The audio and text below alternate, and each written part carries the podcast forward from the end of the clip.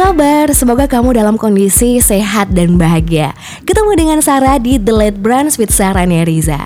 Pernah gak sih kamu mengalami rasa takut yang berlebihan ketika diminta untuk berbicara di depan umum? Gak tahu kenapa tiba-tiba aja ketika diminta untuk melakukan public speaking Jantung rasanya deg-degan, lalu kemudian muncul keringat dingin, lalu badan gemeteran, tiba-tiba kebelet pipis, pengen ke belakang, ya kan?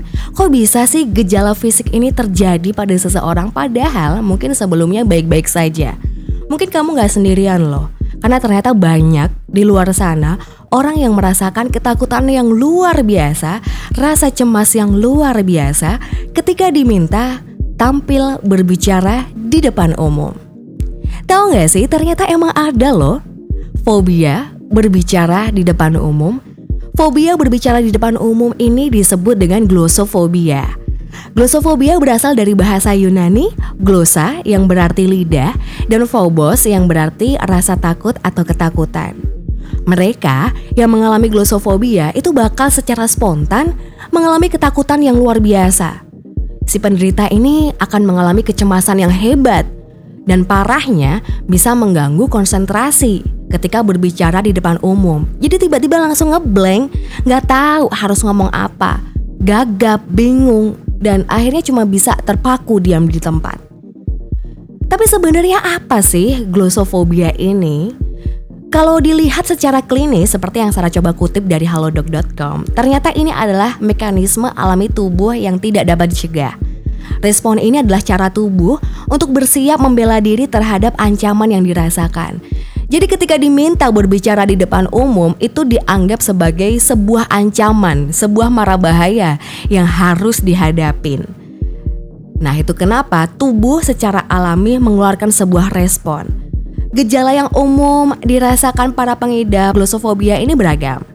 Jadi mulai dari detak jantung yang cepat, lalu keluar keringat yang berlebihan, gemeteran, ada yang merasa mual juga, ada yang merasa sesak nafas, perut kerasa mules, pusing, otot jadi tegang, dan rasanya pengen sendirian aja jauh dari orang-orang, atau pengen kabur deh dari panggung, dari hadapan orang-orang pengen menyendiri. Nah, sebenarnya kenapa sih glosofobia ini bisa diderita seseorang?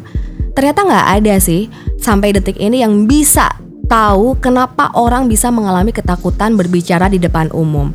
Ada faktor genetis, tapi mungkin kebanyakan karena faktor traumatis di masa lalu di mana mungkin dia pernah diminta tampil lalu tidak berhasil lalu merasa dipermalukan merasa tidak puas dengan penampilannya merasa mengecewakan audiens dan akhirnya itu selalu menumpuk di alam bawah sadarnya dan menjadi trauma mendalam jadi takut pada akhirnya menghadapi audiens ketika diminta berbicara di depan umum.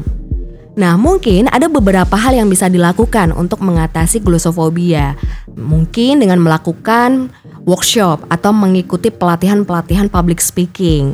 Bisa juga rajin latihan di rumah. Kayak Sarah dulu juga sering melakukan pelatihan sendiri di rumah di depan kaca, kemudian direkam di depan orang tua untuk melatih mental. Kalau misalnya kita butuh bantuan pihak ketiga, boleh loh kalau kita datang untuk meminta bantuan hipnoterapi ya kan. Jadi dimasukkan sugesti-sugesti positif untuk bisa mereduksi ketakutan dan kecemasan kita. Kalau misalnya glosofobia ini sudah mengganggu kehidupan sehari-hari, jangan ragu ya untuk mengkonsultasikan dengan psikolog atau psikiater karena memang tampil berbicara di depan umum itu bukan suatu hal yang asing atau suatu hal yang bisa kita hindarin baik pada saat sekolah, baik pada saat kuliah ataupun di dalam dunia kerja. Semoga buat kamu yang saat ini masih merasa minder atau merasakan kecemasan ketika tampil berbicara di depan umum, kamu bisa segera menemukan solusinya. Semoga berhasil. Sampai ketemu ya di The Late Brunch with Sarah selanjutnya.